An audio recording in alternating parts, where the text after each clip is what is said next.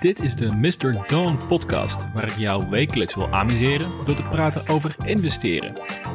En we zijn alweer bij de vijfde aflevering aangekomen. Zoals gebruikelijk starten we met een update over de beurs, hebben we een thema van de week, geef ik een korte update over mijn portfolio en sluiten we af met het aandeel van de week. Uiteraard, voordat we starten, de gebruikelijke disclaimer. Deze podcast is voor entertainmentdoeleinden en is geen financieel advies.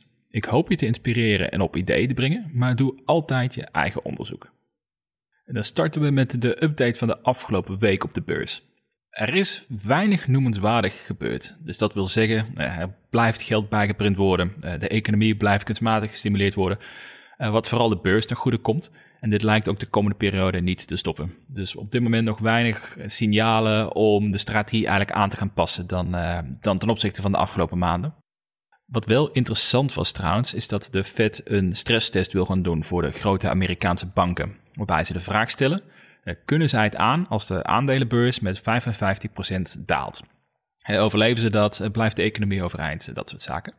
En ze hebben in september hebben ze ook een stresstest gedaan, maar dat was destijds van 50%.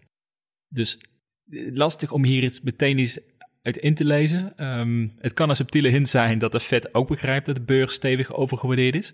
Maar het kan net zo goed een reguliere check zijn. Eh, ik moet zeggen dat ik daar te weinig inzicht in heb om hoe dat normaal gesproken uh, geregeld wordt. Maar in ieder geval, linksom of rechtsom, uh, nog geen signalen voor mij in ieder geval om dus de strategie aan te passen.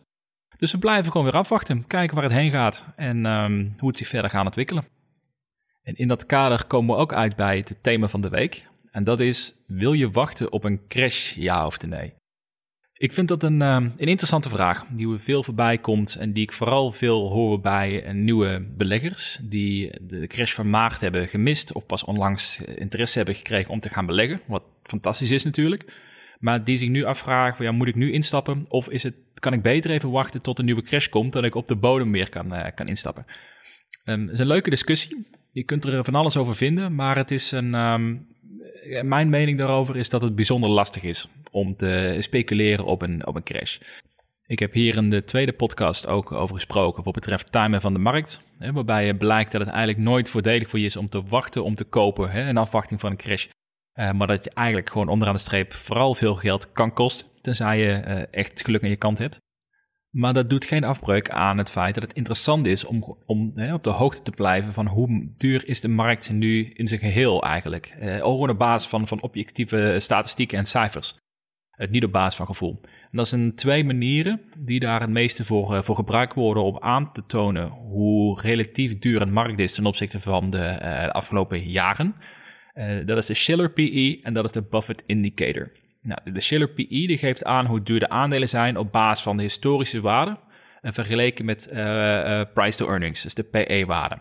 En de meest voornaamste metric om te kijken of een aandeel duur is of niet. En in het heel kort, een PE-waarde is als jij, stel je hebt een PE-waarde van 10, dat betekent dat het bedrijf 10 jaar nodig heeft om zeg maar, jouw waarde die jij betaalt voor het aandeel, om dat in winst gerealiseerd te krijgen. Dus in principe betaalt het aandeel zich tussen haakjes en 10 jaar uh, betaal je dat uh, terug door de winst vanuit het, uh, vanuit het bedrijf. Dat is een beetje het idee daarachter. Betekent niet dat het voor alle bedrijven goed geldt, want dit is voornamelijk iets wat voor, voor solide bedrijven die volwassen status zijn, die kun je hier goed mee vergelijken. En ook ten opzichte van, van de markt. Maar bijvoorbeeld voor groeibedrijven die, die zich nog niet focussen op winst, Um, ja, die hebben een waanzinnige PE-ratio, waardoor het heel moeilijk is om ze op basis daarvan te waarderen. Maar voor de breedte van de markt is het wel een interessante indicator om te kijken uh, hoe het ervoor staat. Nou, en als we dan gaan kijken naar de Schiller PE, nou, dan staat het op het moment, gaan we even kijken, staat het op 35,8. En nou, een stukje context, dat is het ene hoogste punt. Uh, enige wat hoger is, was tijdens de 2000 crash, de dotcom-bubble. Dus ja, we mogen stellen dat de markt op basis van een Schiller, uh, Schiller PE bijzonder hoog gewaardeerd is op dit moment. En ook als je kijkt naar de Buffett Indicator. En de Buffett Indicator kijkt naar de grootte van de beurs ten opzichte van de eh, GDP, dus het nationaal bruto product, ofwel de, de, economie zou je mogen stellen. Ook daar zien we hetzelfde, hetzelfde langskomen. Daar zien we zelfs op dit moment dat het een, even kijken, 88% boven de trendlijn zit. En dat is zelfs hoger dan de internetbubbel van 2000, want die zat op 71%. Dus ook daar blijkt weer historisch duur, uh, beide indicatoren.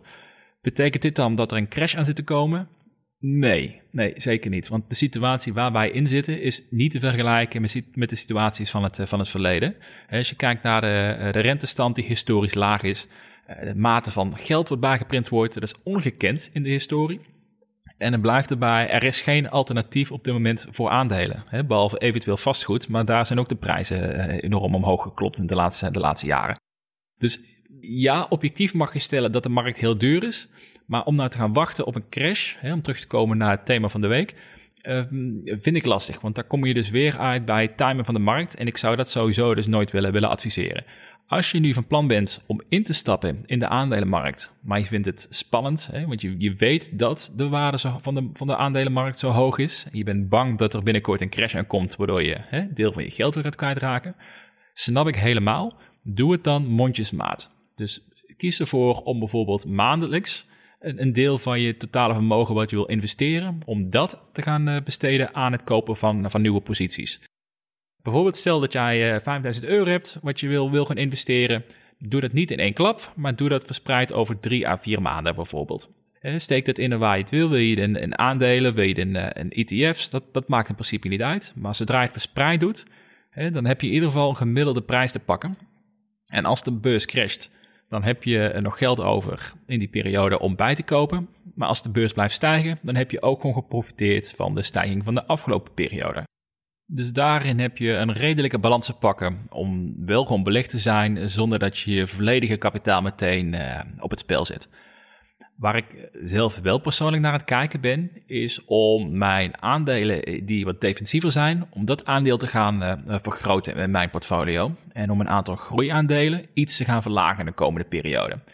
Dus dat betekent dat ik bijvoorbeeld aandelen ga toevoegen, zoals bijvoorbeeld een Ahold, waar ik laatst een artikel over heb geschreven ook, wat ik op dit moment heel interessant geprijsd vind. En tegelijkertijd dus misschien aandelen die de waarvan de koers misschien iets vooruitgestreefd is, eh, dat ik die wat ga beperken in mijn positie en dat bedrag ga, ga herinvesteren. Dus ik betekent, dat betekent wel dat ik 100% gewoon belegd blijf, ehm, maar wel dat ik mijn portfolio iets anders ga insteken en misschien iets defensiever ga dan ik de afgelopen tijd gedaan heb. Dat betekent niet dat ik mijn meest vertrouwde posities ga verkopen, zoals bijvoorbeeld in Canoe. Maar dat betekent wel dat ik bijvoorbeeld in aandelen zoals eh, CCIV, die nu inmiddels op 14 dollar staat op basis van een gerucht, uh, dat ik die waarschijnlijk in de komende periode, als hij nog verder blijft stijgen, wel iets ga trimmen in de positie. En dat dus ga herinvesteren in iets defensievere aandelen waardoor mijn portfolio in zijn totaliteit iets meer in balans is en iets meer bestendigd is tegen eventuele correctie, eh, zonder dat ik het rendement wil missen op mijn grootste overtuigingen. Want om dan het stapje te maken naar mijn portfolio-update, daar is in de afgelopen week weinig veranderd qua posities. Eh, het aandeel CCIV, waar ik het net weer over had, die Lucid Motors naar de beurs willen brengen. Dat, uh, dat blijft stijgen, de hype blijft ontstaan en het is zelfs door de 14 dollar gegaan in de afgelopen week. Nou, het, het zou mij niet verbazen als het de komende week zelfs door de 15 dollar gaat. Wat voor mij trouwens een teken gaat zijn om de positie iets te gaan trimmen. maar ook in de breedte gaat het, gaat het prima. En lijkt februari op weg om zelfs januari te gaan overtreffen qua, qua rendement. En ook mijn cryptocurrency gaat, uh, gaat goed. Een groei van 35% in de afgelopen week. je ziet gewoon dat er ontzettend veel geld zit bij, uh, in de economie bij mensen die het willen beleggen. En uh, dat gaat gewoon aandelen en naar crypto. En daar profiteer, profiteer ik nu behoorlijk van. En dit zorgt ervoor dat ik inmiddels voor februari op een totaal rendement zit van 20% op mijn totale vermogen. Dus ook inclusief mijn pensioenrekening, inclusief mijn investeringen in startups.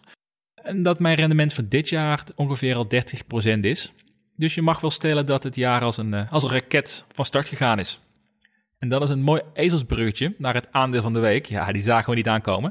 Maar het aandeel van de week is Momentus, ticker SRAC. En Momentus is op dit moment nog als spec op de beurs. Maar er wordt wel verwacht dat ze in Q1 dit jaar de, de fusie gaan afronden. Dus dat het heel snel als een zelfstandig bedrijf op de beurs terecht gaat komen. Nou, wat doet Momentus? Zij plaatsen uh, satellieten op de juiste locatie in de ruimte, waarbij ze uh, onderdeel zijn van grotere ruimtevaartlanceringen. Dus zij doen eigenlijk de last mile delivery. Noem het de PostNL van de, van de ruimtevaart. En Momentus is eigenlijk het enige naast Virgin Galactic, eh, de enige pure space exploration bedrijf op de beurs. En dat maakt het sowieso al een interessante belegging. Als je gelooft hè, in, de, in de innovatie die space exploration met zich, mee gaat brengen voor de komende jaren. Ik geloof daar ontzettend in en het is een van de thema's waar ik graag in wil investeren voor mijn lange termijn portfolio. Ehm, het is wel iets meer speculatief in de zin dat het weer een bedrijf is die de komende jaren weinig tot geen omzet zal maken, maar uh, het echt moet hebben van technologie die ze nu aan het ontwikkelen zijn en de test die ze nu aan het doen zijn. Maar dit is wel de kans om gewoon vroegtijdig betrokken te worden bij een bedrijf die in de toekomst wel bepaalde, bepaalde impact zal kunnen gaan maken binnen, binnen dit domein. En dat is iets wat ik heel interessant vind, want het past bij mijn stijl van beleggen. Hè. Beleggen in innovaties van de toekomst, in de future market leaders. En ik zie daar uh, Momentus zeker een rol in kunnen, in kunnen pakken. Maar wat, wat doet Momentus nou eigenlijk? De propositie van Momentus is als volgt. Dus een ruimteschip hè, kan een bak aan satellieten mee vervoeren naar de ruimte. Maar ze zijn niet wendbaar genoeg dat ze die ook kunnen plaatsen op de juiste locaties. En daar komt Momentus bij kijken. Dus op een bepaalde hoogte wordt het voertuig of product van Momentus wordt losgekoppeld, waarin dan één of meerdere satellieten zitten. Een beetje afhankelijk van met welk voertuig ze die kant op gaan. Dus, dat is, dus hebben nu drie varianten zijn in ontwikkeling, van eentje daadwerkelijk klaar is om in de praktijk uh, ingezet te worden. En zij, daar zit een soort propeller in, waarbij zij de satellieten dus kunnen brengen naar de juiste plek in de ruimte, wat nodig is om het dus werkend te krijgen. Nou, ze hebben een uh, samenwerking met, uh, met SpaceX. Ze zijn dit jaar ook onderdeel van een lancering. Nou, eigenlijk zouden ze in januari zouden ze onderdeel van de missie uitmaken, maar dat is helaas uitgesteld. Dus het is nog wachten op de eerste officiële uh, ruimte, ruimteklus. Maar daarnaast kunnen ze ook samenwerken met bijvoorbeeld een Blue Origin, wat onderdeel is van Amazon. Dus ze zijn niet afhankelijk van één bedrijf om succesvol te worden. En wat vooral interessant is als je naar lange termijn kijkt, is dat ruimtevaart en ruimtevaarttransport uh, exponentieel goedkoper wordt door de continu verbeterende technologie. Dus als voorbeeld, je had in 2012 had je de Falcon 9 raket. En daarmee, als je daarmee een kilo wilde vervoeren, dan kostte dat ongeveer 3750 dollar per kilo. En volgend jaar wordt de Starship gelanceerd, waarbij het 250 dollar per kilogram kost. En dit gaat de komende jaren exponentieel afnemen. Waardoor het er steeds meer haalbaarder gaat worden om daadwerkelijk met space exploration bezig te zijn en ook dus meer gebruik te maken van wat de ruimte ons kan, eh, kan bieden. Het is denk onder andere aan veel betere verbindingen gewoon wereldwijd. Dus dat je gewoon via eh, satelliet in de ruimte uh, gebruik kan maken van het internet. Nou, dat is voor ons in de westerse wereld klinkt dat niet heel spannend. Maar stel je voor dat je dan overal ter wereld goed verbinding hebt, goed naar internet kunt. Of je nou in Afrika bent of je bent in Zuid-Amerika, whatever. Overal heb je verbinding. En ik denk dat dat een hele belangrijke stap gaat zijn naar het verder connecten van de wereld met elkaar. En satellieten spelen daar gewoon een belangrijke rol in. Nu ben ik zelf natuurlijk geen raketgeleerde, dus ik heb wat dat betreft inhoudelijk niet de kennis om in te kunnen schatten wat dit nou gaat betekenen. Maar wat ik wel begrijp is wat de impact kan zijn van space exploration, de toename van het gebruiken van satellieten om wereldwijde verbindingen met elkaar, met elkaar te maken. Maar vooral ook dat de kosten van de technologie exponentieel zullen gaan dalen, waardoor het veel gangbaarder wordt en ook veel meer andere technologie uiteindelijk een toevlucht kan vinden om van de ruimte gebruik te gaan maken.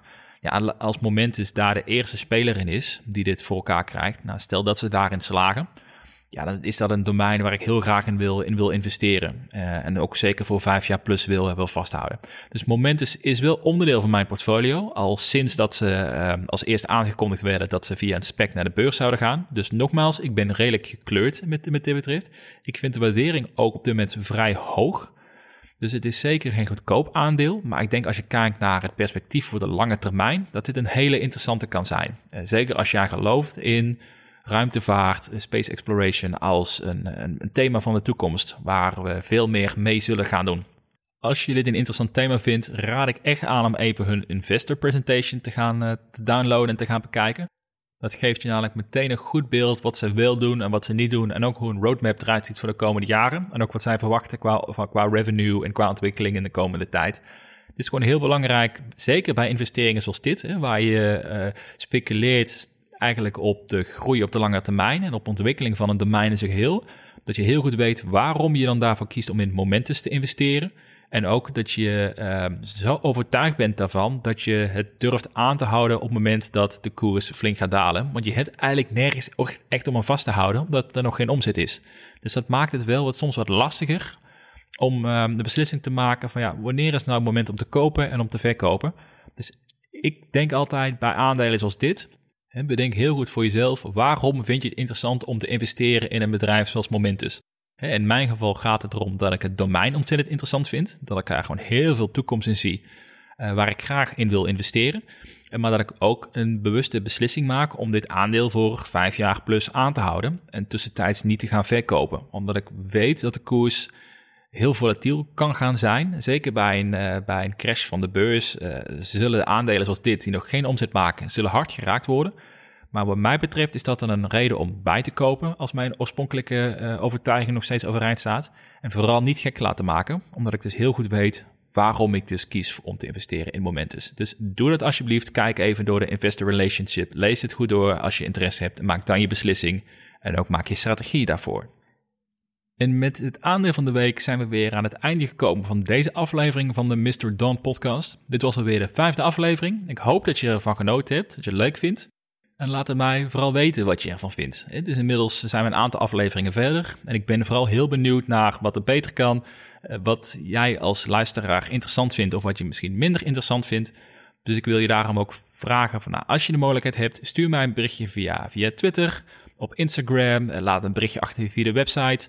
Um, al mijn accounts kun je vinden op de naam Mr. Don. En laat me gewoon even weten wat je, wat je ervan vond en of je nog verbeterpunten hebt.